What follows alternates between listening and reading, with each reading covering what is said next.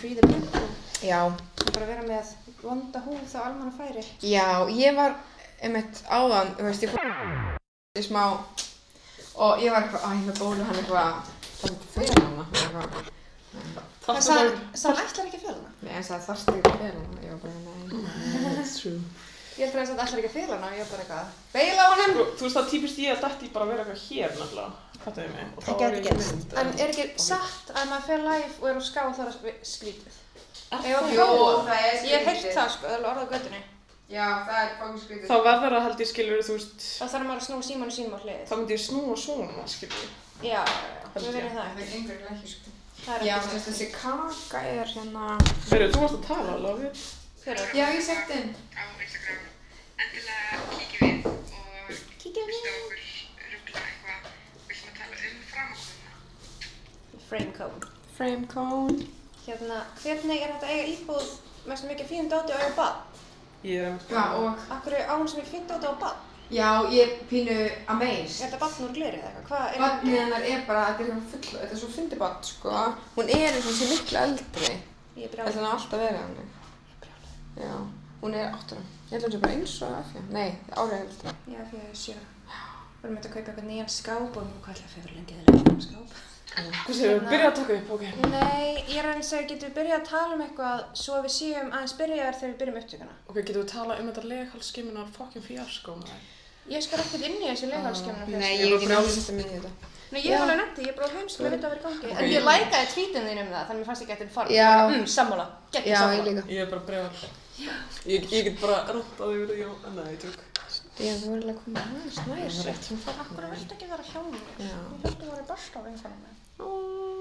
Ok, við erum að fara að gera live þátt. Er það- Hver er hann fyrir þetta? Einu myndu? Ein mynda, sko.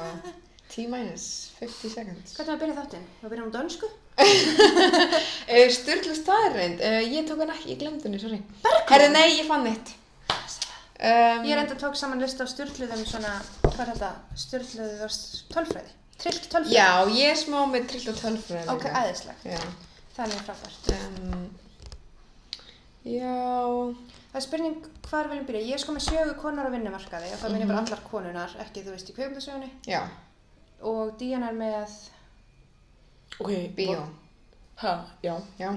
Ég er líka með smá svona fræði, og hvað ert þú að tala um? uff, þetta er leðalegt sko. Ég ætla að laga þetta svo bara að fara í bjór. Hérna, ég er til kynn, hérna, efnahags, sem sagt svona bara vin, hóður á vinnumarkaði, launa, jafnbröti, Það er sexy, mér sem mjög Ú, sexy. geggja. Af því- vinnumarkaður. Já, ég er ekki að tala um það, ég tala bara um sko, þú veist, þetta byrjaði á 1900 og hvað gerðist svo, þú veist, til okkar daga.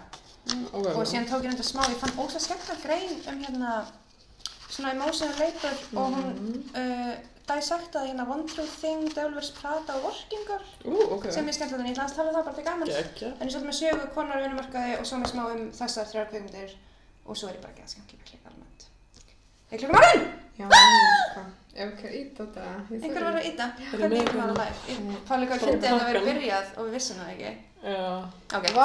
Þá væri- myndum við vita alltaf um fullnæðinguna bergrunar. Halló.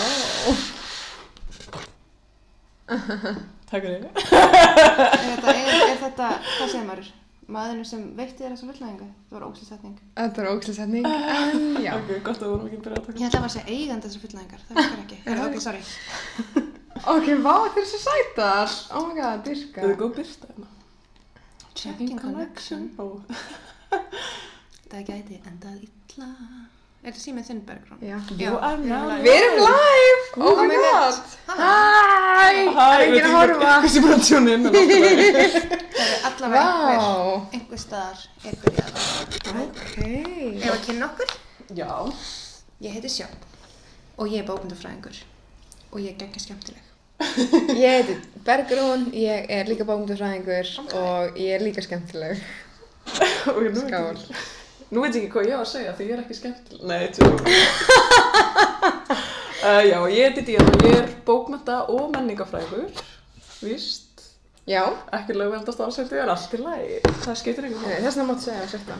En já, ok, upp á upptökuna þá erum við að taka upp live núna en þessi þáttur kemur ekki inn á veiturnar fyrir en setna Já. en þeir sem eru að hlusta í veitunum þeir vita því að við erum að taka upp live og þess vegna erum við Já, það er þetta gammal vandræðalari heldur en venjulega. Já, einmitt, ég ætla samt að klippa þáttin og gera gera sexy. Ó, Þannig að ok, þú veist, ok. ég meina, kynþokkin. Já. Það er þeir sem missar live, þeir geta horta á þetta. Aha, hvar? Erum við að taka þetta upp? Svona til að eyða þetta? Hlustað Nei, mér þetta. hlusta á þetta setna. Já, En kannski getum við sett í highlights. Já, kannski. Kannski. Ok. Er ekki að fyndi? Mér svo ég sé á svona, hvað heitir það? Nei, mér líður ekki það. Það er svo skrítið að tala við erum Það alltaf er bara sko um auður ef að vinkonum mín er að horfa. Yey, hæ auður. Er engin- er vinkunum mín að horfa? Jesús. Ok, við ætlum að tala um Hvað ætlum við að tala um? framakonuna. The Yes. frame cone. Uh, Frame code. sem er sérst kona sem að uh, er sérst svona career woman Mhm. og kannski svona balans með vinnu, vinnu og fjölskyldulíf og pressa og við ætlum bæði að fara yfir svona fræði og almenna sögu og svo líka byrtingamyndir í fjölmiðlum eða miðlum. Já, og við erum svolítið að einbytta okkur að bíómyndum eins og oft áður þannig að við taka svolítið að myndum sem eru góð dæmi um þetta eins og allir mun eftir Devilverse Prata það sem, þú veist, kemur svona dæmi. Og það er kannski, ég veit ég hvort einhverju að horfa sem er ekki í aðdándaklubnum sem veit kannski að vita um hvað podcast okkar er. En Já, það segir sér já, smá sjálft að það heitir byrtingamyndir og það eru um byrtingamyndir Í miðlum. Já. Já. og við tökum fyrir alls konar svona eitt fyrirbæri í viku og höfum tekið fyrir til dæmis að held að morgun kom út kynlíf eitt, mög Mjög. og við erum búin að taka, þú veist, einhverfu og hvað meira? Föllun í miðlum Já, og... hins veginn konur, Já. um, Við strá... karlmennsku, Karlmennsku, Já. já. Við tókum upp þáttum vampýrur sem enn hefur ekki byrst. Akkurat, Þegar maður fyrsti þátturinn okkar. En við tókum geimverur og vorum að brilla. Oh my god, það er besti þátturinn okkar. já, Bara ef þú vilt byrja á einhverju þá er það geimverur. En allavega, já, við erum oftast bara að hafa gaman að þessu, eða það ekki? Nema Díana, hún er svo leiðarlega. Það ætla ekki að byrja með þennan brandara, þetta er endið. ok. Þannig ég er að pæla, er ekki bara að við byrjum aðeins að fara yfir, uh, nei, við erum að hafa styrlaða staðarind. Já, það er fastir liðir eins og vennilega. Við verðum að byrja. Ok, er ekki dag trill tölfræði þemað? Já, við erum eiginlega unnum okkur út frá styrlaði staðarind yfir í trillta tölfræði sem hendar efnir eins og við ætlum að tala um í dag. Mm -hmm. Það finnst svo ég sé að vera sexy rosalega oft, ég er að reclaima það bara. Já, Ekki? jú, elskar það. Mhm. Uh, ok, mín er ógst að leðileg, þannig að þú segir þína. Mín er ekkert skemmtileg, sko. Ég bara fór hans að skoða hérna uh, tölfræði frá Center for the Study of Women in Television Film frá 2019 og konur eru 8% af leikstjórum, 16% af handreitsjöndum, 4% af cinematographers sem ég kann ekki að segja á íslensku. Er það svona Um, ég hefði ekki bara mynd að taka svona mynd, mynd, konungar Mynd myndataka? hönnun, eða hvað? Já. 26% af framleiðendum, 21% af, þú veist, yfirframleiðendum og 21% af þeim sem klippa efnið. Þetta er ekkert há prósentur. þetta eru rosa litla brósundur. Já, og svo skoðum við líka að það var Study of Women in Television Film í hérna San Diego State og þá var skoðað um 35% af myndum innihalda 10 eða fleiri kvennkaraktera sem tala og um 82% af myndum eru með 10 eða fleiri kallkynskaraktera sem tala. Þetta er bara ekkert jafn. Nei, Nei. nei, alls ekki. Þannig já. Þetta er ekkert jafnt, nei. Já þannig að ég segi tölfræðin er ekkert skemmtileg. Svo er hérna svartar konur eru 16%, uh, suður ameríska konur 7% og asíska konur 7% af öllum konum Öss. í kveikmyndum og þáttum. Kvikmyndar þættir og Já.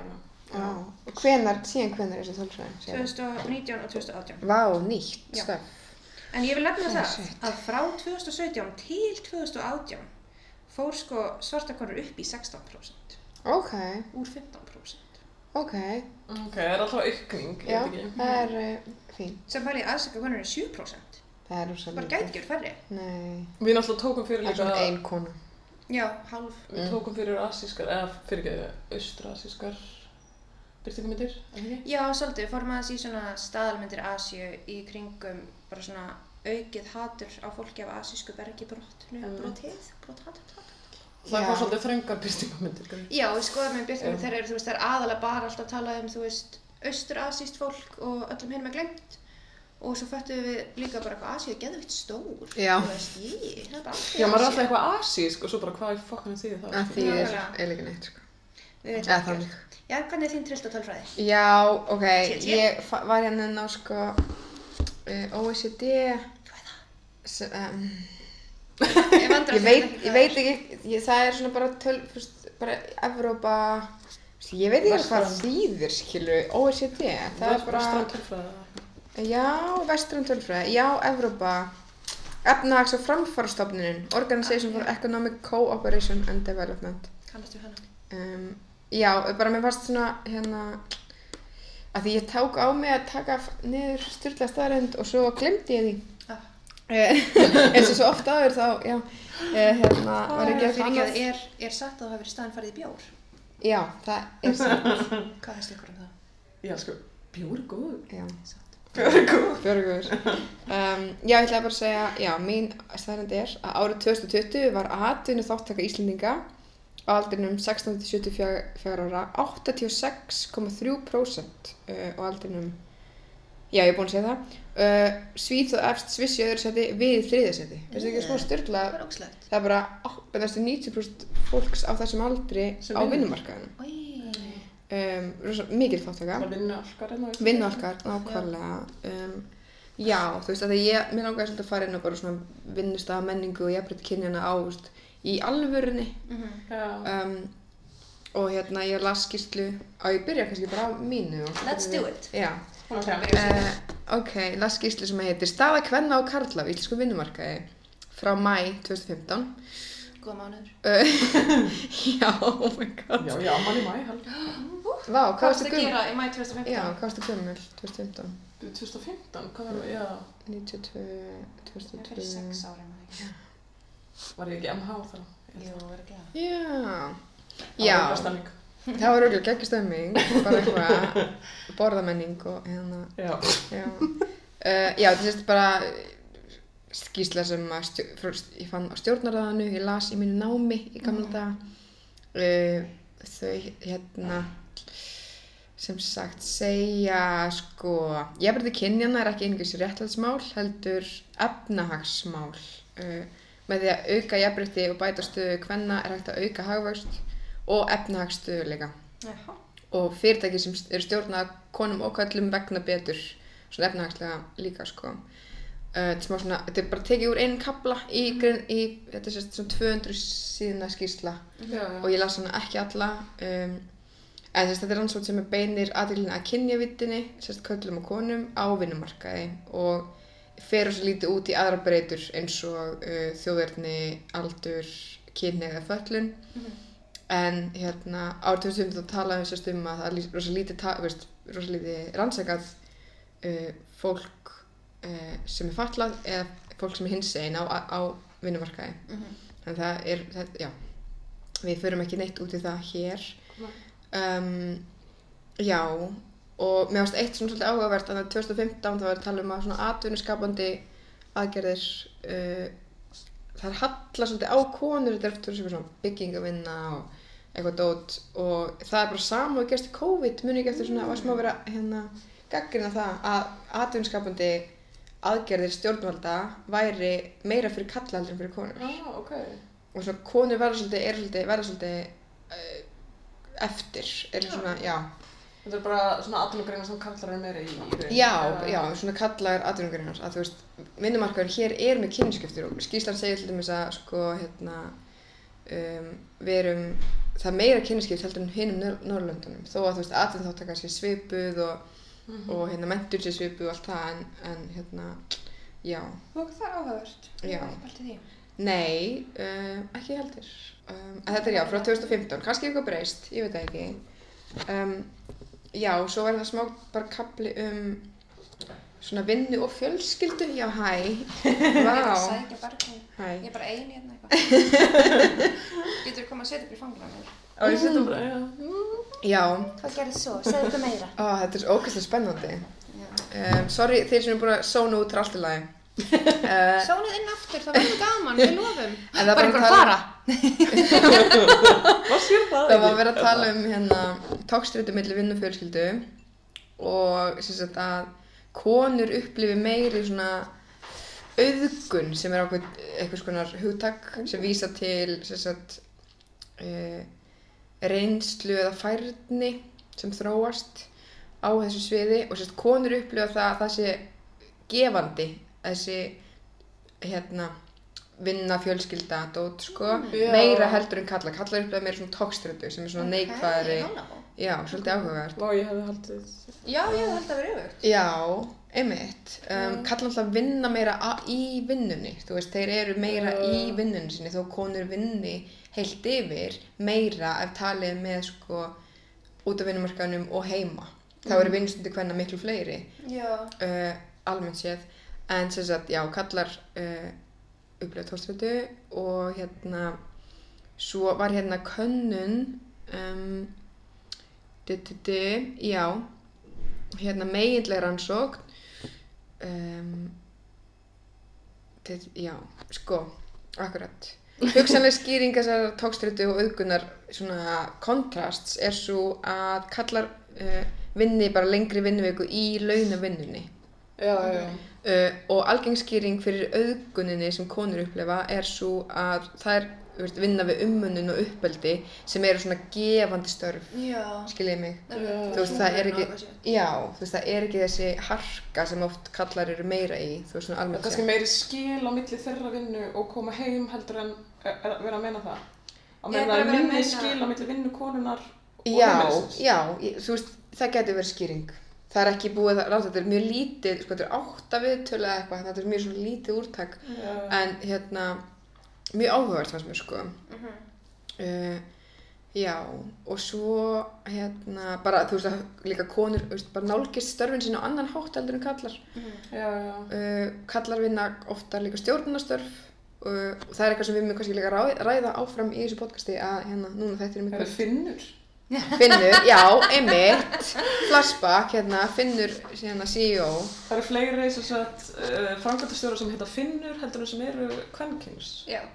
á já, já, árið 2018 var það Já, árið 2018. Við erum Já. að ringi þess að finna hvað, hvernig er, hvort er ennþá í sjálf. já, það ógustlega gott að ná svona smá vissu um það Já.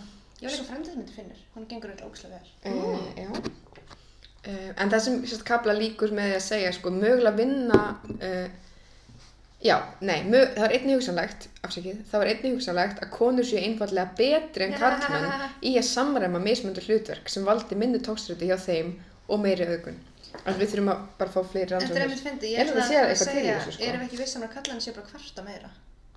Mm. Þú veist, ég veit að hljómar svo geða mikið dick comment. ég held að En sé ég var samt svona, þú veist, getur ekki verið að þeir séu bara Sem er meðflú og eitthvað. Nei, ok. Nei, bara þau séu bara kvarta meira, bara að þetta getur erfitt, með allir konar er bara eitthvað með sex bónusboka og tvö börn á axlanum að koma að vinna og þetta er fínt. Að þau geta Já. jökla meira kannski. Eða þú veist. já, bara eru kannski Er bara maður- tilbúðar í svona stökkvi hlutverk og einhvern veginn svona og bara aðlöðunarhæfnin er kannski bara meiri Og líka hann alltaf búist við að maður geri meira á kvart ekki yfir því.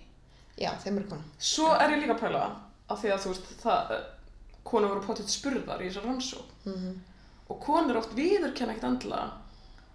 já, Eins og Já. komið til mann fram í rannsókn, það voru mjög marga konur sem að sáu eftir eitthvað, hafa eitthvað spöld, en það þóra ekkert að segja það. Nákvæmlega, það er svo ekki? já, einmitt Það er kannski, vilja ekki eins mikið viðurkenna bara, já, mér finnst þetta gett erfitt. Af því það á að vera... Maður á þú að segja þetta sé ekki að gefandi, og þú veist, jú, jú, alveg erfið dagar, en það er samt svo frábært. þú. Já, nei, bara pæling, sko. mm, algjörlega, ég held að það sé margar skýringar á þessu sko og það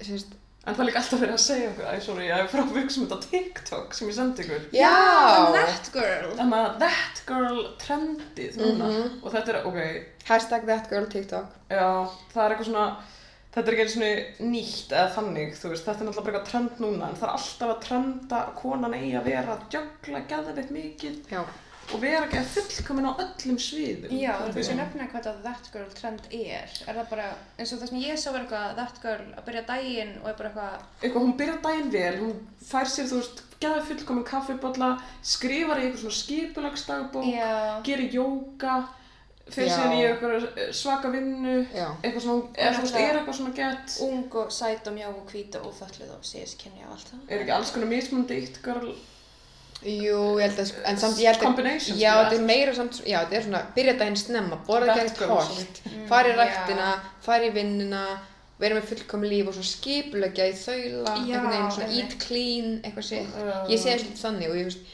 ég held að það sé eitthvað svipuð uh, svona frá köllum eða það er kannski svipu dæmi hjá köllum ákveðin en ekki svona yfirgnæmandi Mm. Markasetning á því, ég það ekki. Það er miklu meira rót hjá köllum, þá er þetta bara rótgráð fyrir í gamla daga þegar eiga, þú veist, jú, vera fyrirvinnan. já, og það er alveg viss það pressa pressa, já, já En mér finnst þetta svo mikið eitthvað svona markasetning fyrir konum, eða ég veit ekki. Það Já, er alltaf líka alveg fyrir kalla, en Ég er samt líka bara áhugaður markasetning hvort sem lítum að kynja eða ekki og bara hafa allt fullkomið, þú Já, veist, eða, og hvað er fullkomið? Og á henni sem þú veist mannesku, eða þú veist Mhm, hvað er hún, er hún markasvara eða manneski að þú veist þetta er svona, mhm. já um, já þessi rannsókn sem að Guðrún Lilja gerir eiginlega rannsókn um, já þetta var áttu viðtöl og hitt var það kannski aðeins stærra uh, já 150. ok 100, 150 mm. Það er aðeins betur, ég smá svona, er átt á nóg? já, já eiginlega já, já. Já, afsakið. Meginlega rannsóknin var 150 starfsmenn og spurningarlisti. En þessi rannsókn er sérst áttamæður og já, samspil engalífs og atvinnu gengur vel upp.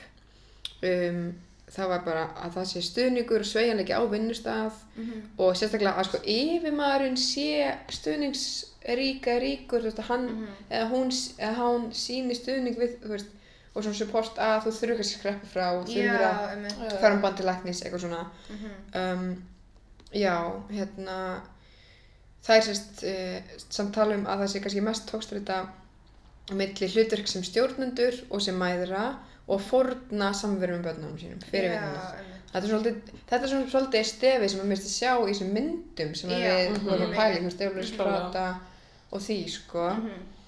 Um, já, og sem sagt, en í þessum átta viðtölum þá tala nokkra konur um að vinnan sé eitthvað sem það er að gera fyrir sjálfan sig til þess að nærast og Já, þroskast sem einstaklingar Mhm. sem ég finnst ógst áhugast, það er alveg, ég lít þannig á vinnu mína líka og þú veist, Mhm. svona þegar maður er í einhverju svona sem er gefandi og skapandi þá er maður svona að taka inn á sig svona, já ég er að læra og þroskast sjálf Já, emmi. þú veist, og þú veist, ég sé mig kannski vaksa í starfi eða eitthvað svona Mhm. um, já uh, já, en þær sérst eru líka samt bara mjög mikið að jögla uh, hæ hérna uh, vinnunni á öllum tímum sólurhengsins það var svona Já. árekstrar sem var, var svolítið talað um. Já. uh, já, og, ok, sorry að því að ég var að tala um það þetta er frá 2015 og það er önnur rannsókn Þóreldur Gísladóttir 2012 Mhm. um það hvernig fjárvinna myndi skila sér hjá, Ú, halló. Og bara Já. já. já, ég sér kannski lesa það bara í heild, þetta er svo ógslagavert út af bara COVID. Já.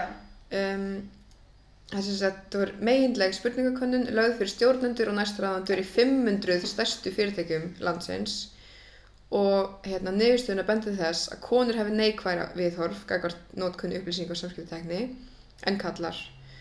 Uh, þessi tækni snerti eitthvað mest ungt barnafólk og fjárvinna gerir einstaklega kleift að sinna umönnunar og uppeldistörfum meðframverkefnum í vinnunni. Konur eru líklegri til að upplifa þetta fyrirkomulag á neikvæðan hátt þar sem heimilstörf og barnauppeldi lenda í mörgum tilfellum á þeim óháð vinnuálagi. Já. Þetta er það sem við sáum í COVID. Algjörlega. Uh, álægi vinnu mingar ekki þótt þær geti sint fjölskyldum í meiri mæli og því verður álægi mun meira en annars og á kostnað svefns og frítíma. Engur síður eru konar fremur jákvæðar, gagvart sveigjanlega vinnutíma en svona uh, til að þetta léttir af þeim ágjum hvernig að púsla saman vinnu og Já. fjölskyldustundum. Þannig að það eru, þú veist, fljótar að þá koma heim og eitthvað. Já, Já, akkurat að þú ert alltaf heima. Ég get alveg ímyndið mér að En sjálf. það er samt alveg smá vissins þegar ég var að vinna, eða skólanum lokaði og Já, ég var heima Það var mjög erfitt að þá þú það var alveg svo leiðilegur og ég var alltaf ég er upptekinn, ég er í tölfunni. Þú veist það er ógst leiðilegt að vera þannig, miklu skarra fyrir mig að fara bara Já. og svo kem ég heim og er skemmtileg. Þú veist það er Akkurat. bara eitthvað, ég er sko, leiðileg. já, mitt, þú veist, þessar byrtingamyndir sem við sjáum líka í þessum miðlum er alveg svolítið að rýma við þennan raunveruleika af því það er einhvern veginn alltaf verið að segja, þú veist, framakonan hún get ekki valið mitt, eða hún verður að velja annarkvort eða, hún Já. get ekki einmitt, það má verið ekki fá bæði bæði. og svo finnst mér alltaf vera að hérna að hún, að það er alltaf verið að bendina á bara eitthvað en þú ert að vinna mikið, þú ert að missa eitthvað, Já, þú ert. Já, byttu, ætlarðu- mistir að fyrsta ekki- brosinu eða eitthvað. Já, eða, eða ef hann á ekki mann og börn, Mhm. þá svona býtu. vilt þú ekki Alltaf, alltaf þú Já, getur já, Það er alltaf já, algjörlega. Mér finnst líka já. aldrei tekið fyrir þessi myndum hvað maður er bara fátækur og þarf að vinna ekki að mikið. Þú veist, hvað er ég þarf bara að taka, þú veist, vinna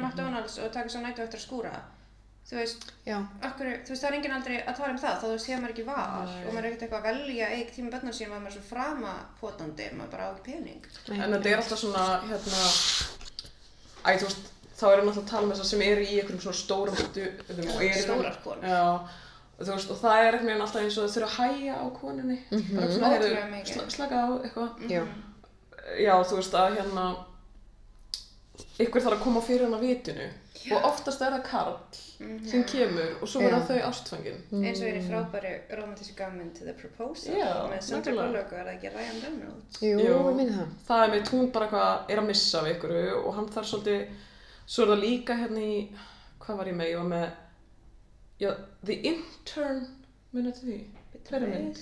Er það það sem Með Anne Hathaway, Anne Hathaway, Anne Hathaway, Þetta er það þegar þau eru allir að vinna hjá Google. já þeir eru að vinna í Google og Robert De Niro er einhver Já. intern Já, og eitthvað, og hún fæst að gráta því hún er eitthvað, ég fæ ekki nóg mikið kredit fyrir vinnuna mína sem er bara alveg þitt, skilur bara eitthvað, halló, ég er að vinna gett mikið og ég er ekki fann eitt kredit fyrir það. mm. Og þá kemur Robert De Niro og einhver annar gaur sem vinnur með henni og er eitthvað að reyna að hressna við og er eitthvað svona, þú ert kannski bara að vinna mikið. Þess vegna ertu, þú veist, að verða, ég veit það ekki, hystri, eða skilur þú veist, það, þú veist, þú veist, ég man ekki hvort þið segir það, en þú veist, þú ert örugglega bara að vinna mikið, þú veist, undir ómikla álægi sem getur verið rétt. Mhm. Og svo segja þær eitthvað, ok, ég er alltaf að las, ég nefndi ekki að horfa á þessa mynd aftur, ég myndi ekki eftir þessu atrið. nei, þetta er leiðileg mynd, sko. En þarna, já, líka það, þetta er hikalega mynd. En þeir segja eitthvað að hún sé að vinna mikið og það gæti leitt til þess að hún muni fitna. Ó, hræðilegt. Já, bara svona, ha? Þú veist, þannig að þetta er bara svona þrefald pressa í fyrsta legum. Kona má ekki vinna mikið, samt á hún eitthvað að vinna nóg, hún má ekki fitna, hún á eignast börn og mann og, Mm og samt, ég veit ekki. Já, gera allt, en samt, ekki of mikið, en samt. Svo náttúrulega í hérna myndinu sem við vorum að horfa á hérna, hvað, uh, Young Promising Woman. Promising Young Woman. Promising Young Woman.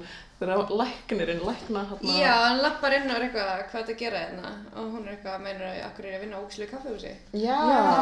En ég meinti, en ég meinti hérna vinkonan sem er eitthvað, Já, oh my god! sem er eitthvað, nei, hann vill, hann vill ekki að ég vinni. Eitthvað það er miklu meira sexy að vera heimavinnandi húsmaður. Og hún er eitthvað búin að fara í annars- læknanám. einmitt. Já, that's a turn on og ég er svona, ugh. Já, það er ógislegt. En allavega, Ég finn það fyrir læknanám til þess að vera turn on fyrir manni sinna að vinna heima.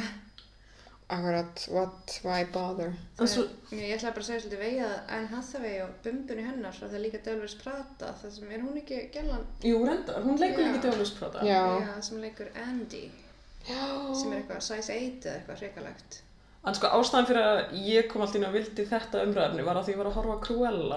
Mm Já, auðvitað. Já, ég var líka að horfa Cruella. Ekki ég. Og þar er hún með yfirmann sem er bara alveg eins og í Devil Wears Prada, hvað Já. heitir Meryl Streep. Meryl Streep, læt Já. Og ég var bara eitthvað, er þetta bara eitthvað tróp, skilur? Rosa mikið. Já. Og þá vil ég líka fara að skoða trópið eins og Sandra Bullock í Proposal, þú veist, henni er náttúrulega viðbjargandi þannig að það er öðruvísi. En í byrjun á myndin er hún bara eins og eitthvað skrimsli, þú veist, hún er bara eitthvað öskrandi og gargandi á alla og bara eitthvað brjálæðingur. Já, en henni, og svo er ég eitthvað svona, er hann ekki bara viðbjargandi að því hún var ástfangin á Jú, og þú veist náttúrulega bjargar henni með því að sína henni að hún getur, veit það ekki, farið á date, ég, þú veist, guð maður veit. Þurfum við ekki bara að tussa eitthvað, ég veit það ekki. Já, en það er um sama að verðist vera bara, hún er, þú veist, þú veist, svona ekki lengur manneskja, heldur bara einhver svona skrítinu köld tík, af því þú veist, Já, ég veit ekki, eins og Meryl Streep í Djálfur Prata er bara gæðið mikið vélmenni, Já. svona bara eitthvað, veist, have scarf, þú veist. á ég að fara inn á hérna, að ég, ég fór í hérna, Gina Davis, by the way, elskar Mhm. Gina Davis. Gina Davis Institute for Gender and Media, vissið að hún ætti þetta? Ég vissi það. Ah, hún er að gera er- rannsóknir. Einmitt, hún er algjör töffari, sko. Þetta er eitthvað síða að mælu með að hérna skoða, Mhm. eða ef við áhuga, þá er hún með alls konar rannsóknir, hún er til dæmis með svona tölfræði Já. yfir þú veist konur í myndum og okkar. En hún sem sagt, þau gera rannsókn og uh, í, í raun samkvæmt stofnunina hennar að því meira sem stúlkur horfa á sjónvarp og kvikmyndir núna eins og er, er í dag og hefur verið því meiri líkur á hún telli sig að hafa takmarkað möguleika lífinu. Já, væntanlega, þetta er alltaf eitthvað þú verður að velja vinnuna eða kæristan og börnin. Pælt í þessu. Já, oftast bara... Þetta er að hafa bara bein áhrif, Mm. þú veist. Og maður skilur það alveg. Það er sjúkt samt. Svo þegar maður hugsaður út í þetta, þú veist, þá var maður eitthvað svona, já, eins og ég, ég var að hlusta á um daginn um, hérna, þegar Vigdís Finnbót og þetta var fórsiti. Mm. Já, Í er bara- þá kom kvennarhreyfingin. Já. Skilur, þannig að það þarf þessar Já, fyrirmyndir og byrtingamyndir. Mhm. Ekki það að Vigdís Finnbót er náttúrulega í alvörunni, en þið fattum mig. En það er og... það er bara þann, jú það virkar hann í Þú alvörunni. veist, það Ég er maður verður að fá að sjá Já. konu í valdastöðu og ekki bara eitthvað, konan er tík. Ég vil ekki vera tík, skilur. Það verður að vera leiðilega. eins og munið Gjóða. þegar Þóra var í fastetta frambóð allir eitthvað, hvað með börnin hennar? Hún Já. var eignast barn. Og hún er eitthvað, maður er með að vera heima bara, en hvað með börnin hennar? Já, Hvað með börnin hennar? Og maður er eitthvað, það er búið að svara þessu maður er að vera heima með börnin.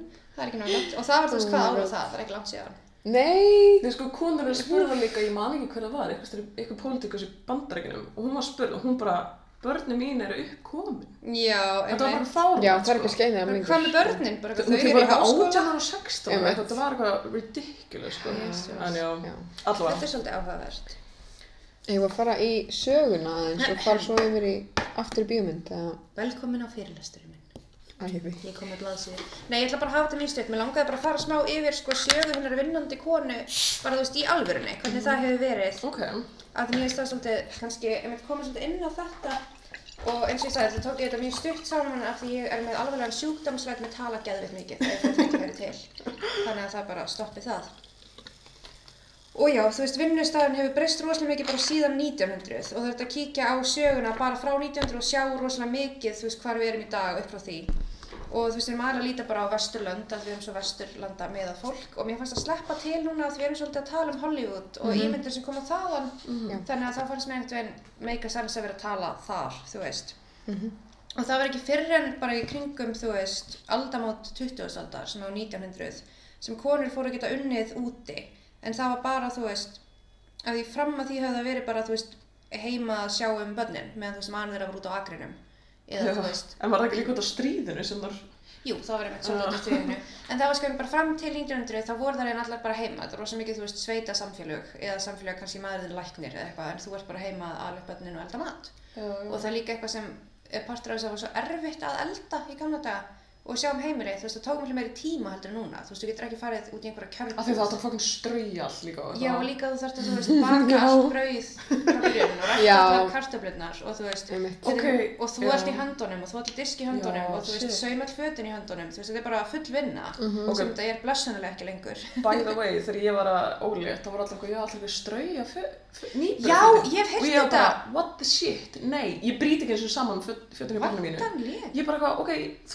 skiptir núna máli. Þetta var eitthvað lítill búðingur Já. sem var að Þannig fæðast. að eldri konur sem er eitthvað að peppa manni að gera eitthvað sem skiptir ekki máli, ég er bara, oh, Þetta er mjög stein. Já. hefðir. Já, einmitt, hvað máli, hvað, hver er skýra það að vera að strauja ykkur fötu okkur badd sem ælir svo bara strax að? Burt sér á því, Já. þá er einmitt þetta sem hefur haft svolítið þau áhrif að við höldum enn þann dag í dag að konur séu betri í hlutverki uppalenda og ummennenda. Að það er þú veist sáu um húsið og sáu um börnin og sáu um, þú veist líka það sáu um kallinn þegar voru að gefa hún föt og mat og tóttan og eitthvað.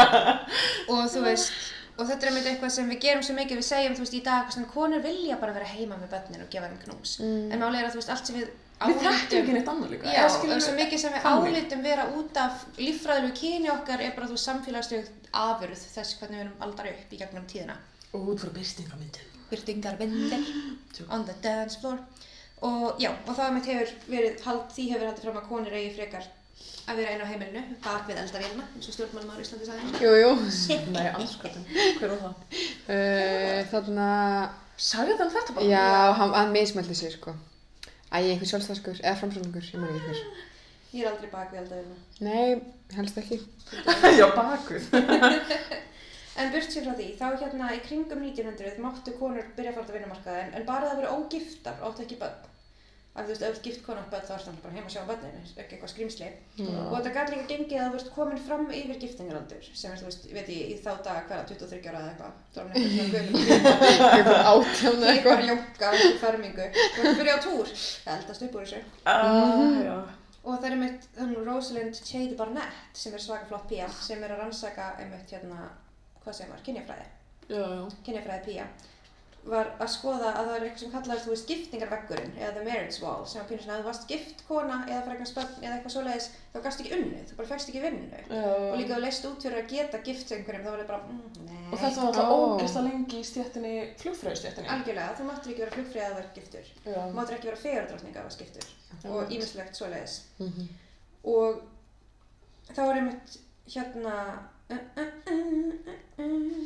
Og já, er einmitt tekið fram á þessum tíma að engöngu mæður hafa svona þessa sérstöku náðargáfu að geta huggað börnin sín og eitthvað. Mm -hmm. Þá er tekið sem eitthvað dæmi um akkur konur ætti að vera heim með börnin. Já, að deyja. getur engin annan nei. ekkert Þetta er samt heim ennþá í með dag. Ég meina, maður fara alveg að þetta. Algjörlega, fólk trúir ennþá að það sé rosalega mikið móður eðli og ekkert sé betur en að mammast upp. Já. Það geta ekkert að mömmu, fólk er upptíkið. Nei, ég meina, þetta lætur bara konur svo líða illa sem að eru bara eitthvað, ég veit ekkert hvað ég er að gera. Og það er bara, jú, átt ekki að vita það. Mhm. Og maður er eitthvað, nei, ég læri það með því að kynast banninu mínu Já. og kynast sjálfur mér í nýju hlutverki. Þetta er ógeðslega toxic tala svona. Já, Ég var bara eitthvað, það er eitthvað að mér, skilur eða. nákvæmlega. Það var eitthvað, já, hún er að gráta, veistu ekki af hverju hún er að gráta? Ég eitthvað, það Já, eru þrjár guð minn ástæður. Já, þú ert að vita af hverju. Ég eitthvað, ha? Kúka borða lúla? Það er annarkvæmst, þú veist, þreytt eða Ger ekki bara allir bara elimination Maður tekník? Já, prófa kíkir í bara. gefur henni geruvörstu, Já. eða þú sem er geruvörstu á þér, Já. segir henni bara svo. Þú veist, maður er líka ofta að giska bara eitthvað svona, já, langt síðan hún svaf, hún er bara ekki þreytt. Væntanlega. þú veist. Það er líka svo ég, ef ég er, þú veist, í vondu skap er eitthvað, er ég svöng, er ég þreytt, En þetta er ógeðslega toxic að þessi, eða þetta er náttúrulega eldri konu sem er bara, þú veist, hugmyndin við helst, af því það er alltaf að ta- þú veist, já. Einmitt, alltaf að íta á þetta aftur, já. Og þetta er einmitt eitthvað svona, einu störfin sem konur í þessi daga unnu ekki á heimilinu var því að konuna voru ekki hvítar og voru til dæmis fyrir um þrælar. Af því þá, þú veist, er eitthvað sem hefur talað um hjá svörtum konum að, þú veist, hvítum konum fannst frelsi að fara út á vinnumarkaðin meðan þeim finnst frelsi að fá að vera heima hjá sér. Því þau eru að fara og alveg einhver hvít börn út í bæ og skóra fyrir þau já. og gátu ekki sund sín á super áhuga. En þetta er rosalega svona hvít miðað í þessari rannsókn líkt á öllu öðru sem við gerum að því við erum alltaf tussur. En burt sér frá því, þá þú veist, er hægt að spyrja sig hvort það að þú veist, fá borgað fyrir vinnuna sína sé bara fyrir kallmenn.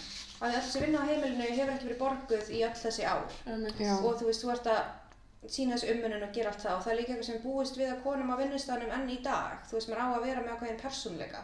Þú veist, eins og ég er hjúka, þá á ég að vera næs og ég á að vera að hugsa um þig og dúllast í þér og eitthvað. Af því þú veist, það er það sem fólk býst við. Og eins og ef maður er flugfreyja og maður er eitthvað svona, "Æ, viltu kaffi, þetta er æla, það er svo gúsi gús. Þú veist, maður þú veist ekki vera að passa og bara vera, þú veist, umannandi Og svo hoppum við í það sem Díana nefndi aðan sem þetta var stríðið og það er í bandaríkjunum þá, þú veist, það var að setni heimsreildin, það sem kallar sem fólkið í stríðið, Mhm. slætið út. Og þá þurftu ykkur annar að slæti. Já, og þá máttu konunnar slæti inn á vinnuna og þá varum við talað um sko, á að mikið vera peppa konur til að fara að vinna, þú veist, í verksmiðjum og alls konar, af því þú veist, það þurfti bara og þá þurfti líka að samfæra kallanum að leifa konunum að fara út að vinna. Já, að þeim, já þær eru að hjálpa í stríðinu, þau verða að leifa þeim að fara að vinna í þessari versmiðu, svo dúli dúli. og síðan um leið og kallarnir koma heim þá eru þær allar reknar. Já, líka, þá komu kallan og leifðu Leiðum mér að koma heima, Já. nú ætla ég að koma heim og barna þig, ég var í stríðinu. Og það var eiginlega ekki fyrir í kringum 1970 sem konur fara meira út á vinnumarkaðin og það er bara af því að þú veist, efnahagurinn var þannig að það var ekki lengur nóg að vera bara með eina innkomu á heimili. Eða varst með, þú veist, kjarnafjölskyldu. já, og þá þú veist fóru vin, konur að vinna og þú veist heldur því áfram og síðan kring 1981 þá er þú veist aðal parturinn af vinnunni sem konur fá ekki þú veist í verksmiðum eða einhver svona líkamlegar vinnur heldur það sem er kallað svona pink collar jobs sem ég sem er er að benda. Ég bara er ekki góðið tölvan. Jú, jú, jú, það er. Tölvan. Já, það er komið pink collar jobs sem er þú veist, hvað segir maður? þjónust það. Já, þjónusta afgreiðslustörf. og svoleiðis. Mm, ok. Og það er þú veist, Service sector. Já, það sem það eiga þetta samhengt er að vera vanlega illa launuð og það er ekki auðvöld að hækka í tegn innan þessara st Já. staðna, stöðu að starfa. Já, já. Og síðan, þú veist, fór fólk svolítið um, að skoða þetta og það verðist lítið hafa breyst á síðustu árum. Það verðist eina vera bara að 70% af kvenkins vinnufólki er líka núna í, þú veist, kennslu og hjúgrun. Já, svolítið mikið í umvinnunarstörfum og, og þjónustörfum. Og kennsla og hjúgrun og síðan, þú veist, ennþá í, þú veist, þjónustörunum. mm. Og síðan var verið að kíkja á um 2000 þá voru þú veist eðlilegt að gagkinneitt par væri bæði út á vinnumarkarum en var líka eðlilegt að konunnar fengu minna borgað heldur en maðurinn. Mhm. og þá er ekki eins og allir menn hafi verið eitthvað fyrir mér borgaðin eða þetta ég að ríða þér, þetta var bara eitthvað, þetta var bara svona. Það er ekki eins og hver og einn einasti maður hafi verið alveg tussa, bara kerfið hefur byggt upp í gegnum mörg ár til að skapa þessa stöðu. Já. Og síðan þess að konar fór að vinna meira, fóru menn að hjálpa meira til heima og margir menn, þú veist, unnu minna á skrifstofunum fóru að vera meira heima og margir menn tala um að þetta sé jákvæð breyting, þú veist, jákvæð þróun, að þú veist, ekki lengur bara einhver maður sem lappar inn kljóðan 7 á kvöldin, sérð börninu fara að sofa, þú veist, og farið viski, þú veist, hún getur verið með. Já. En þá er mitt komið inn á þetta sem er á íslensku kallað þriðja vaktin og er ennsku kallað double shift, Einmitt. sem hljóman er svo undarleg því. Sek second shift. Já. En já, mjög undarleg þýðing. Þriðja Já. vaktin, second shift, já.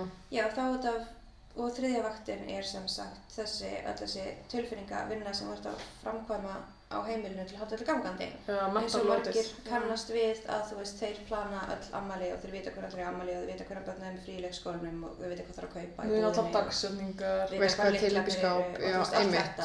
kaupa gjafir. Þvotturinn. þú veist bara plana og svona sjá um að halda utanum heimilið. Hvenær krakkanu á æfingu. Já, einmitt. Og þetta var svona skoða mín um vinnuna, þannig að upp úr 90 og 2000 ára rosa mikið talað um postfeminisma einum vestrann heimi, Mm. þar sem hvítar millisettra konur uh, tóku sér saman og voru eitthvað að feminisma hefur verið náð, við erum jafnar karl núna, við getum farið að vinna. Svolítið svona byrtingamind þessa feminisma er segnaði sitt í konunnar, sem finnast þær vera bara með topp tilverunar Já, þeir áttu pening til að kaupa sér skó. og þær gáttu rið einhverjum á þess að vera, þú veist, steinaðar til dauða á, þú veist, götuhorni. Já. En það var mynd eins og svo margar aðrar hvítar millisettakonur, pældu þær ekki að þú veist, konur til dæmis í öðrum löndum, eða bara fátakari konur, konur við erum kynþáttum, eða Þú það er hægt að transkonur, hilda myndina. einhvern konur, veginn. fatlaðar konur, alls konar konur. Því þú veist, ég get alveg staðið upp einhvers staðar og verið eitthvað, jafnrétti mínu hefur verið náð, það þýr ekki jafnrétti allra hvernig hafa verið náð, þó kannski sé ég bara persónulega get heppin. Þetta var það rátti, mjög klátt. Þetta var saga vinnunar. Mjög góð. Vá, Takk fyrir. It. Velkomin í vinnuna. En já, þetta er líka, þú veist, það líka, þú veist, að jafnbreytta sér náð, þú veist, að konur eiga að fá vinna jafn mikið á karlar, skilur en þá einhvern veginn situr ofta á hakanum, skilur hver á þá að sjá um allt. Eða fattu mig, þetta er ofta er ekkert búið að hugsa kannski, ég er ekki að segja, þú veist, æ, þetta er bara svo flókið dæmi, Já, Og svo náttúrulega, nei, ég ætla ekki að fara í það. Jú, sagði. Stýttingu vinnuvíkuna sem hendar Já. bara sömu vinnustöðum, en Já, náttúrulega, Já, þú veist, einmitt. það er einhvern veginn ekki búið að hugsa um heildamindin Já. oft. Akkurat, Algjörlega. já. Þetta Konur verður kannski það undir þar. auðvelt að segja bara nú mega konur vinna allir tíma dag en þú veist það er ekkert verið að hjálpa þessum sömu konum að þú veist auka við þú veist stuðning á heimilum eða barnagæslu eða Já, eitthvað einmitt. sétt þú veist. Já. Herri, ég horfði á hana, á ég tala um það, ég horfði á Mhm. heimildamindina Misrepresentation frá 2011 Geggjumynd. og ég mælu með, hún er mjög góð. Þessi heimildamind vil meina að byrtingmyndi kvenna í dagmenningu og miðlum sé að draga úr því að konur fari í pólitísk störf eða háarstöður í samfélaginu eins og ég reynda Já. nefndi áðan hérna með Judy Davids Institution Já. Svo, þú veist, í raun gera byrtingamyndina það að verkum að konur hafa ekki trú á sér Já, uh, veist, það er ekki að sjá konur í þessum störfum eða sjá það með þröngar linsu, það eru tíkur eða geða lonely ass bitches, eitthvað, þú veist, alltaf eitthvað á hún svo innmanna þá. Þetta er bara svo mikla stereotypum alltaf og konan á okkur bara alltaf að finna ástarfið fang. Svo varst mér geða þetta áhugavert, við vorum að tala um hérna konur, sem- eða þú veist, í myndum, konur sem body props. Og ég var eitthvað, að, ég aldrei hitt um þetta aður og einn sem nefndi þetta The Fighting Fuck Toy með það geggja. Hvað þetta er Lara Croft eða? ok, já, það verður að tala um skiljur þegar konur eru í aðalhlutverkum í ykkur svona actionmynd. Já. eða þú veist, þar eru sterkar og áhundur segja bara, ok, vá, hann er hvern hlutverk sem er sterkt og hún er að berjast og hún er að gera hlut á sínum forsendum og, og þetta er svo satt Hún er að gera þetta allt í þröngum. Já, svo satt, þú veist svo sem er að tala um þetta og hún er eitthvað, ok, þó hún sé allt það, þá er hún svona hlutgerð Mhm. og líka með hennar er hlutgerður fyrir kartkins persónu í kvikmyndinni og fyrir áhörandur. Þannig að, ok, til dæmis búningar ofurhetja Já, um, uh, og þú veist, Lara Croft, fyrst ég var að nefna hana Já. Já, mjög basic. já. og meiri sem Disney, þú veist, ok, sterkar eins og Megara Mm. í Hercules. Já, hún er í svona, Jasmín er líka smá svona sterk en það eru báðar. það er voða sexy Já, kynþokkin er svolítið, já. Það er líka með svo mikið hár, það flækist bara fyrir mann Rosalega mikið hár. Uh, þetta er, þú veist, þetta er kannski flókið málefni af því að núna, af því að núna er eitthvað svona, þú veist, konur geta verið starkar en samt sínt líkama sinn, Já, eins og við erum rætt á þau í Já, þetta samfélagsmiðla sko. Alls ekki, en samt ágætt líka að hugsa um, þú veist, þessi típa, þú veist, lítur rosalega þröngt út, þú veist, það er mjög Já. sem passa í þessa fegurastala. Mhm. Þannig ég sé kannski, ef ég ætla að vera sterk kona þarf ég líka að líta svona út. Þú Já. veist, það er enginn eitthvað að bollast um En líka í sko, þröngum hlýraból að drepa kallana. Já. Líka þú veist það sem það er vilja meina, eða þessi heimildamind vilja meina er að þú veist, þetta er að skapa svo ógeðslega mikla pressu fyrir konur. Mhm. Þar þurfa alltaf að vera flottar, sætar, fallegar, kynþákfallegar með hinu. Mhm. Já, Þú veist, það get ekki bara verið hæfileikar eða frábæri liðtúar. algjörlega, Þar þurfa alltaf, að vera þú sexy. veist, það er, ekki, það er alltaf ekki verið að sína þær konur. Mhm. Uh, sem gera það að verkum að marga konur sem falla ekki undir fegurastæluna Mhm. reyna ekki. Og það er einbætt sér frekar að því að reyna að ná fegurastælunum Já, og að vera, þú veist, ég veit ekki, mæður eða svona góðar sem ástar viðfang. Mhm. Að því að konur þurfa einhvern veginn alltaf að vera bæði og. Og Já. þá einhvern veginn, þú veist, tekst þeim ekki upp. Mhm. Já. Þetta er einmitt svolítið áhugavert, sorry, ég ætla að hoppa inn í að Já. skoða Elisabeth Wilson og Chris Rees gerðu svona grein um, þú veist, konu staðalmyndir og Já, þeir tóku fram svona þrjár konu staðalmyndir í, þú veist, þennum þrönga flokki af myndum sem gerast á vinnustöðum og eru um konur. Uh, Og það var, þú veist, móðurlega konan og síðan, þú veist, svona seductive konan einmitt. og síðan hérna uh, svona Iron Maiden sem er eitthvað svona kona sem allir hrætti við, eins og þú veist. Já, Bara eins og skólastjórun í, ma, hérna. Já, eða bara eins og. Meryl Streep, þú Já. veist, í Devil's Prada. Mm. En þú veist, byrtingamyndunar eru að reyna að segja okkur bara að eina vald konunar er fegurð. Já, sko. Eða að vera einhvern veginn, eða þú veist, að vera bara ógslag leiðileg. Já, ef ekki bæði bara. Já. En það er náttúrulega líka, maður þarf að gera eitthvað, líka ef þú ætlar ekki að fallandi fjárastæla, það verður að gera eitthvað svona ákveð í því, eða ekki? Eða þú starft ekki að vera það bara svona, eins og bara Rachel Maddow eða eitthvað, hún er bara eitthvað, það er ég bara jakkavættum með stuttar og ég er ekki sexy, eða þú veist. Já, það er svona hennar þeim. Ég, þú veist, þá þarf það svolítið íklæðast að vera einhvern veginn smá karllegar. Eða, eða svona, erum alls Rachel Maddow, ok, sorry, ég veit ekki hvernig. að hún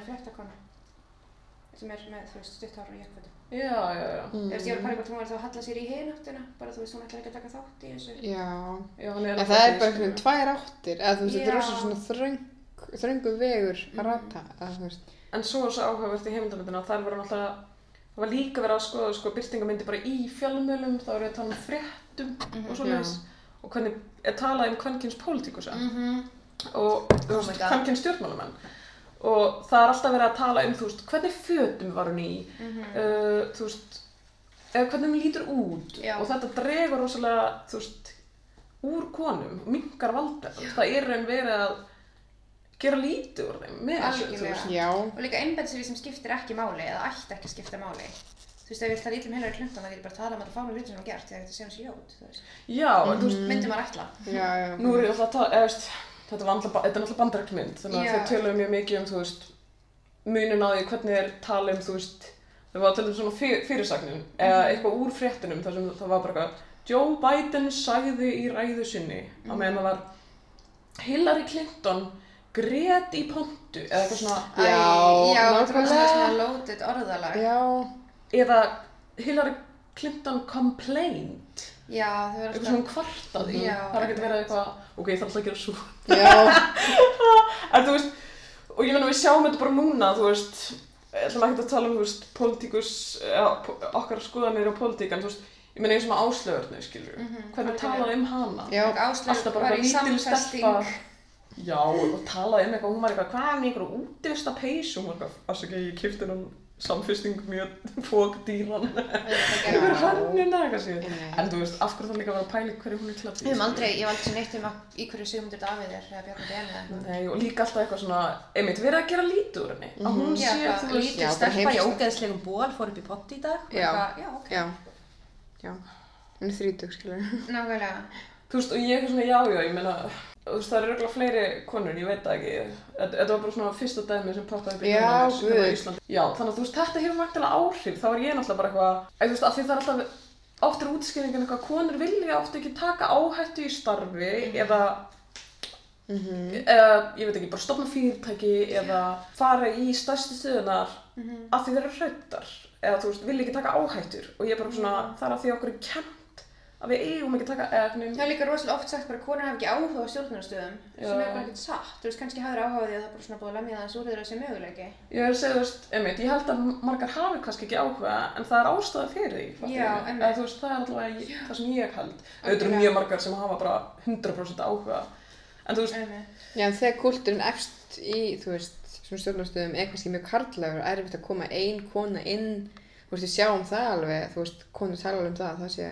toxic, eða líka bara almennt, Það er erfitt að vera Já. eina konan á stöðum Já. mjög oft. en þú veist, það virkar líka öfugt, þú veist, ef þú ert eini kallinn í mjög kvenlegum, kvenlægum vinnustaf, þá er það líka töff, þú veist, erfitt, Já. skilur Já, það er um eins og Já, pappi minn klálega, er sko. kennari og hefur alveg talað um það, þú veist, að þú veist, já, En ég bara- En það er bara, þú veist, þeir sem að ráða eru, þú veist, þú veist, já, kalla kannski komin á, þú veist, einmitt, eh, eru kennarar komin á kvenlega, kvenlæga vinnustæði, en konur, þú veist, það er svona, er að brattan að sækja, það er kannski, þú veist, stjórnunastöður eru mjög karlægar og þeir, það er söklast í burtu vegna þeirra menningar. Já, einmitt. Þú veist, þó þær hafi mjög mikið áhuga eða, sko, ég hugsaði líka bara eitthvað svona, ég er náttúrulega bara að hugsa núna eitthvað út frá umröðinni, bara eitthvað svona, þú veist náttúrulega alveg, þarft að þóla alveg mikla gaggrinni, eða þú veist alveg Já. gaggrinni í stjórnunastöðu og ef þú ert, sorry, kon, En þú veist, er ekki konur bara gaggrindar sjúklega mikið í svona persónulega lífi alltaf, Já. Jú, að það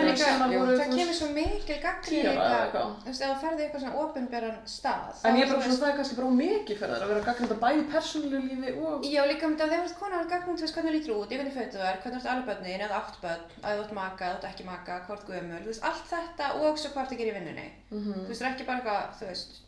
hvað að að gera í vinnunni, maður myndi kannski höndla það, það væri bara eitthvað, þú veist, ég er að sjöpa stýrði fyrirtækjum sinni asnalega í gær, þú er eitthvað, já, ok. En þú veist, Já. ég er að sjöpa með ljótt hár og stýrði fyrirtækjum sinni asnalega í dag meðan hún píndi dóttu sína, þú veist. já, okkurlega. og hunsaði mannin sinn Mhm. og eldaði vondan Já, kjöthlið. líka það einmitt og það er eitthvað verið að, þú veist, gaggrina fyrir eitthvað sem, eh, þú veist, passar ekkert inn, eða skilur sem er bara á, á ekki verið auka stuðjast, skilur. einmitt.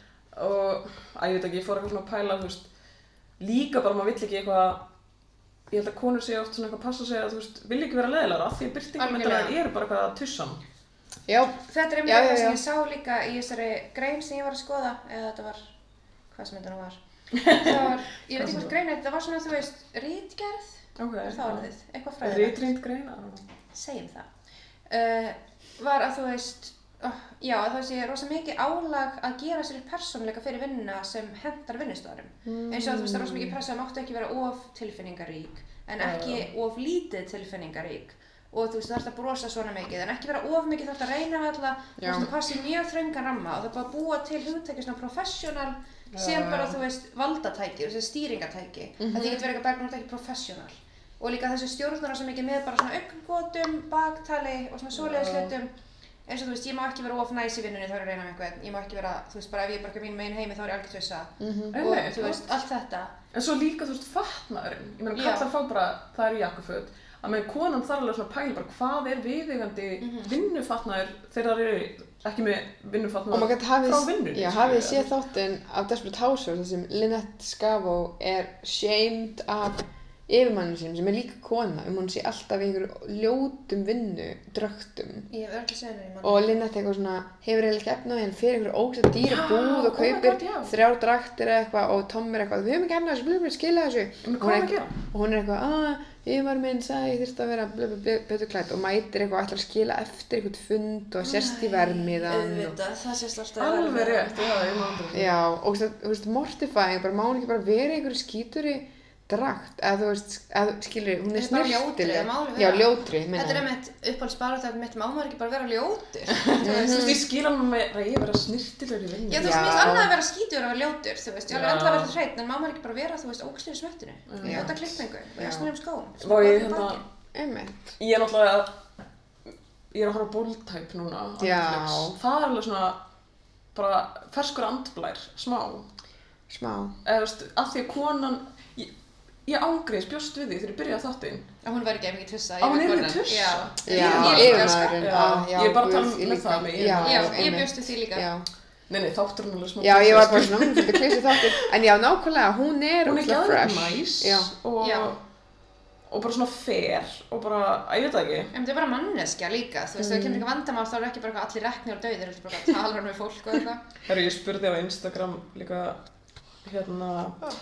hann Já, þú veist, Já, hvaða myndir með svona boss, boss lady og það var náttúrulega Parks and Recreation Leslie Knope Já, hún er samt alveg frekar næs, eða ekki?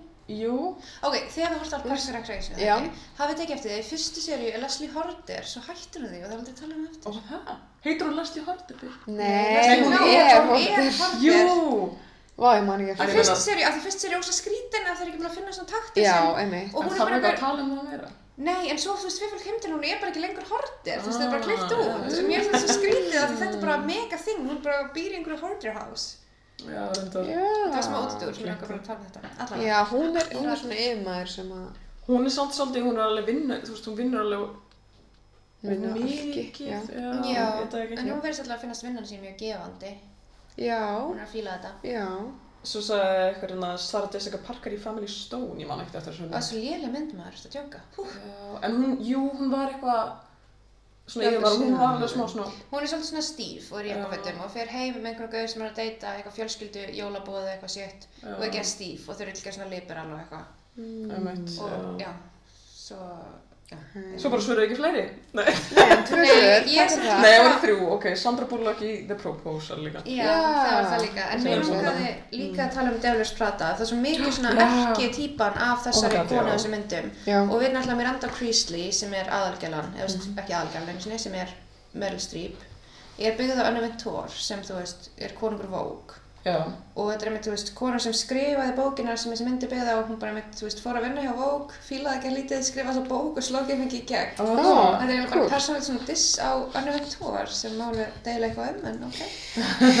þú veist, kannski er Anna Ventura svona, ég veit Hún er allavega alltaf gaggrind fyrir að vera ekki að köld af því hún er Já. kona sem búin að stjórna, þú veist, Vogue rosalega lengi mm, með grimman topp. En svo er það líka, þú veist, maður svona Ef hún væri karl, myndi allir vera eitthvað, hún er Það væri allir bara, hún er, Af því að þú veist, það er svolítið þegar kona, þú, þú býst við að hún sé góð Já. og Já, passa inn í þessa, Mild, veist, persónuleika sem þú þarfst að vera. Mhm. En svo ég held að ef Anna Tóra væri maður, þá myndi allir bara finnst hún sillingur. Eins og Steve Jobs er bara þekktur algjör fáðiti og allir eru bara að ræða sér til tóttan, sko. já, Þú veist. því eins og þú veist, maður þarf ekki sinni að vera næs ef maður er kall, ég er bara kaldur. því Ég held að Að. Það eru engar sögur um hún sé algjör fáviti sem ég hef heyrt. Meðan Steve Jobs er bara eitthvað, þú veist, að ég vera köld, ég menn eitthvað neitt um að vera leiðilega, ég veit ekki Þú veist, ég held að hún sé bara kona sem er að ekkert fyrirtæki. mikið, já. Og Og alltaf með með sólgleru. sólgleru. Helvítis tussandi. Hvað er það? En já, er svolítið áhugavert þegar við prataði, þá hittum við fyrir Andy, sem Mhm. er, hvað er hún stærð 8 eða 10? Eða 6? Var það ekki eitthvað eitthvað, er hrikalegt að Þetta var mæli- eitthvað mælikvarða? rosalega Tíu, held lágstærð. ég. En ég man allavega að það sem ég veist ég þessa myndina var held ég, ég, þú veist, jafn Átta. stór og hún ef ekki stærri. Þú veist, ég held ég veist að minnsta stærð verið 12 eða eitthvað. En ég tók þetta sem bara Hollywood að segja mér bara ég verið ógæðsleg. Ég var eitthvað, þetta er eitthvað, þetta er feitasta kona sem ég hef séð. Hún er hérna stærð 8 og þá er hún alltaf bara hvað, býtur hún við? Ég þetta að að hérna fasin hefur hann sé eitthvað sjúkur, sko. Algjörlega, það er lögða til í því, náttúrulega. Já. En þetta er samt svolítið skrítið, einmitt aftur kemur hún auðvitað Anne Hathaway og þarf eitthvað að hugsa um bumbuna sína í vinnunni. Æ, já, ég. En þetta er, það er svo skrítin mynd á smargan hátt að því hún er, þú veist, að vinna og hún finnir fyrir tókströtu að því kærastan er ekki hægt asnaleg. Hann er ekki fokkin styðjana, hún er eitthvað Nei. nýbyrjuð í fokkin vinnunni og hann er bara eitthvað, þú ert alltaf að vinna. Ég er bara svona, Og hvað? er ekki börn og að ég veit veist, þú, veist, ég skilja sem leiðilegt að kannski maginn hefur li- minni tím til að hanga með þér en þá er þetta bara að það er leiðilegt, ég vona að við getum, þú veist, chilla saman þegar þetta eina ár er búið, að hún ætla bara að vinna hann í eitt ár líka. Að Það er ekki sem að sé eitthvað þetta er líf mitt núna, hún er bara eitthvað þetta er ár, þú veist, mhm. Hann er algjör vælkjóður, sko, ég hata hann. vælur rass. Ég var líka, He's the real villain of the He's the movie. real villain. nákvæmlega, því mér anda er bara eitthvað að stjórna fyrirtækinu sinni, þú veist, hvað sem hún að gjalda?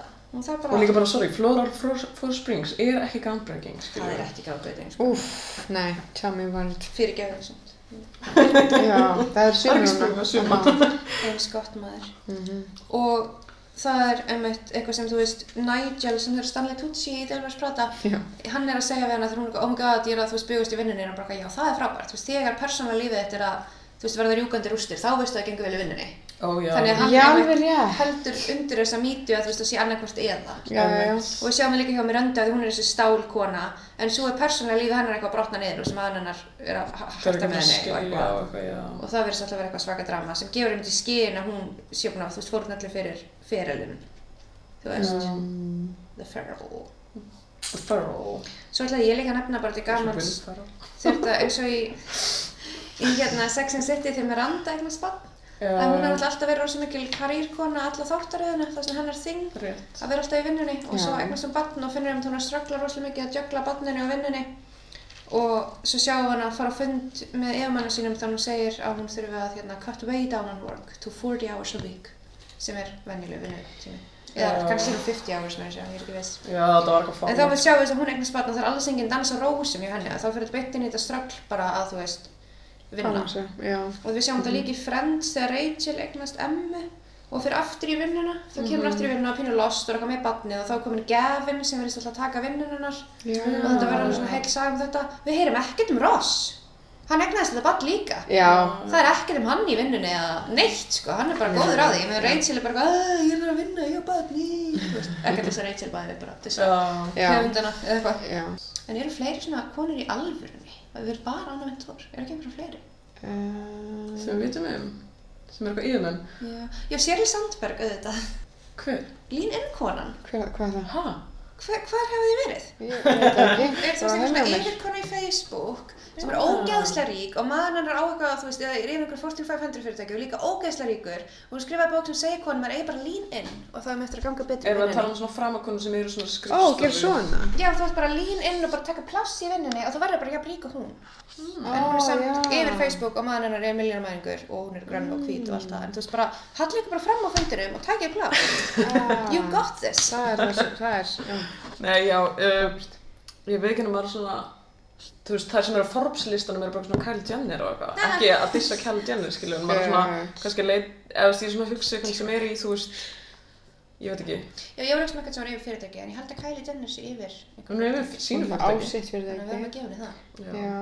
Mm, hmm. Kanski Kris Jenner, á hún fyrirtæki? Er? Hún er náttúrulega svona umbúðsmaður eiginlega, hún er svona momager. Momager. Já, þú veist, það er óslega marga flotta konur og svo er einmitt, þú veist, Gælan sem á eina bambúl. Það Er það gæla? Já, það er gæla. Nú ætlum ég að byrja Bumble. Já, það, hún, bara hún er ógæslega rík á bambúl. Á ég svona tveimur, nei, ok, hún- svona fimm á árum. hún- Á hún mann og bönn? Já, er ég, börn? ég veit það ekki. Ég Mhm. þarf að tjekka þeim. Já, ekki það.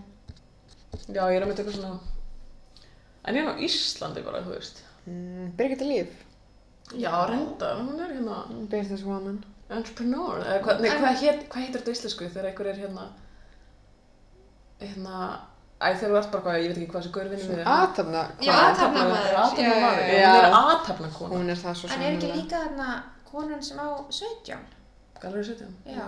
Jú, reyndar. Jú, Hún það- er manneskja, Ég veit ekki hvað hún Hún er heitir. manneskja. Nei, ég veit hún er manneskja. Já, Ég er viss um já. Já, það eru mjög marga flotta konur, sko. Og svona Já, við í nefndum stjórnmálunum. Það kona skilur við. Já,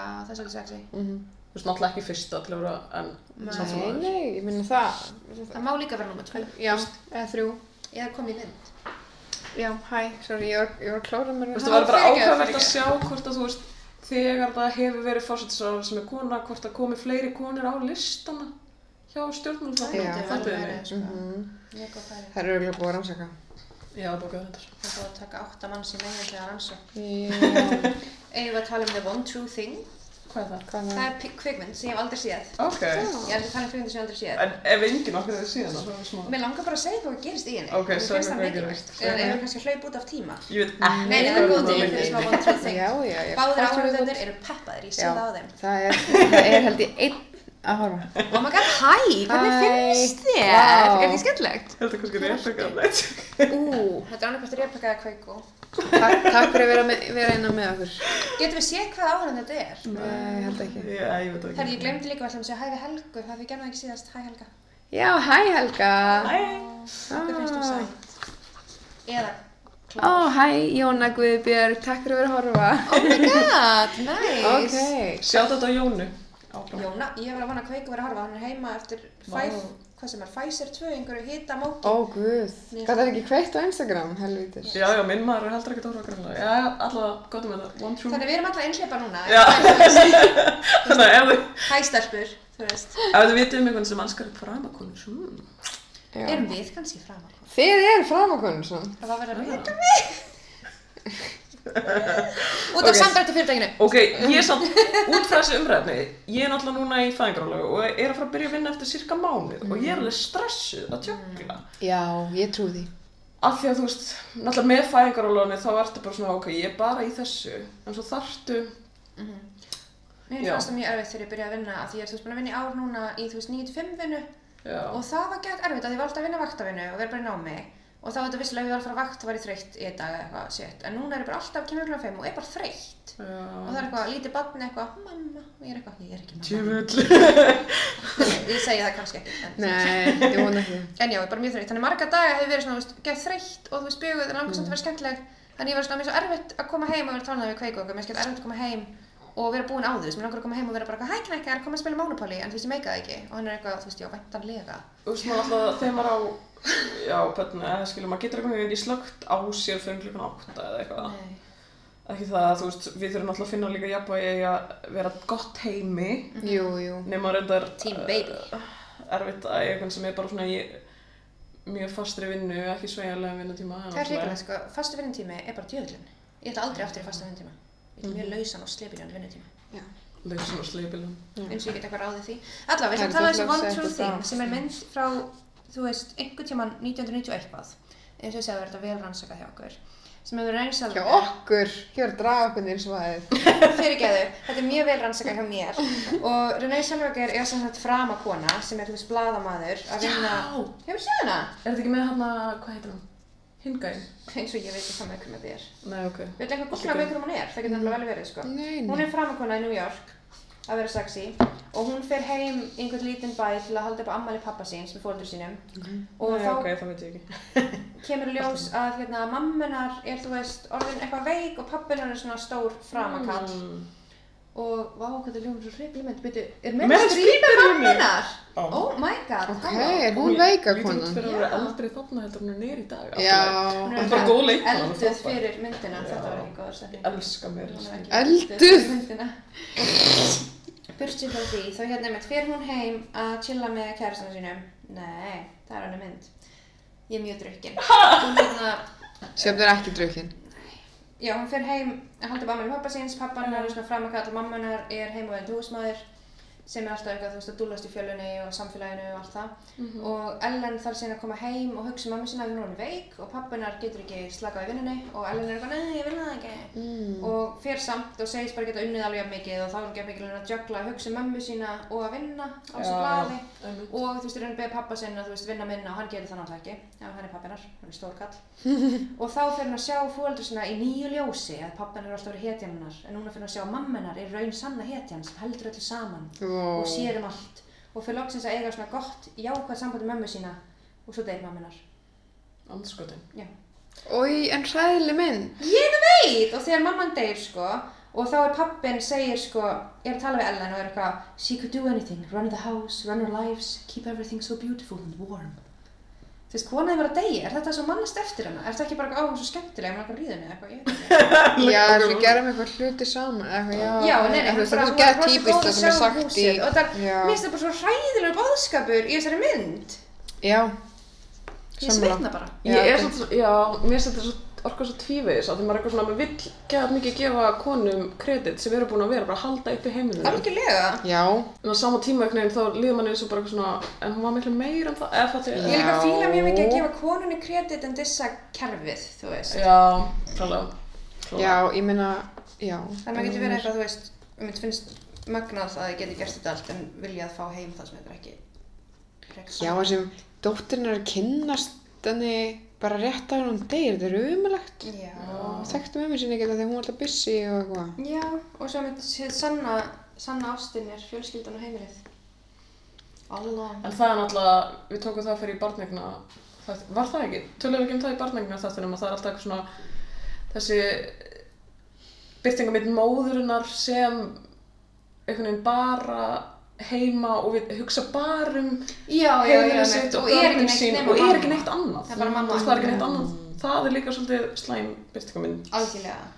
Og það er þessi mamma Já. hjá í þessari mynd, verðist vera bara, hún var bara heima að hugsa um Mhm. allt og svo kunni enginn að meta hana fyrir hún dó og allir bara, ó, hún hugsaði svo Já, vel." það er ömuleg bóðskapur. Já. Þú veist, að því að ef þú ert heimavöndi og kýst það og hefur gaman af því, þá viltu allavega vera metin til góðs að meðan þú ert á lífi. Ég vil fólk kam heim og segja takk fyrir það. Já, og bara. Þannig að fara heim og þekki móður ykkur. Já, reyndar ángríns, það er heldur alltaf gott að segja takk mamma. Kæri, var ég með eitthvað fleiri gáðlega punkta? Ég vona það. Ég er alltaf alltaf með þetta bara eitthvað byrtingamindi skipta svo miklu máli. Það er gera það nefnilega. Það er þess erum við með þetta podcast. Já. Það er svolítið ástæðan. Byrtíumyndir skipta máli. Erum við ekki bara að koma með þetta? Þetta er bara gott. Jú. Þetta er bara Kannski. málið. Já, þetta er bara- fín lengd og þætti fyrir okkur. Sko. Vá, já, klukktími. Ég veit ekkert sko sem við áttum eitthvað að gefa það það ekki, en það bara... Ég veit ekki hvað gerist. Tumble out of bed and I stumble to the kitchen. Pour myself a cup of ambition and yawn and stretch and try to come to life. Jump in the shower and the blood starts pumping. Out on the streets, the traffic starts jumping with folks like me on the job from nine to five. Working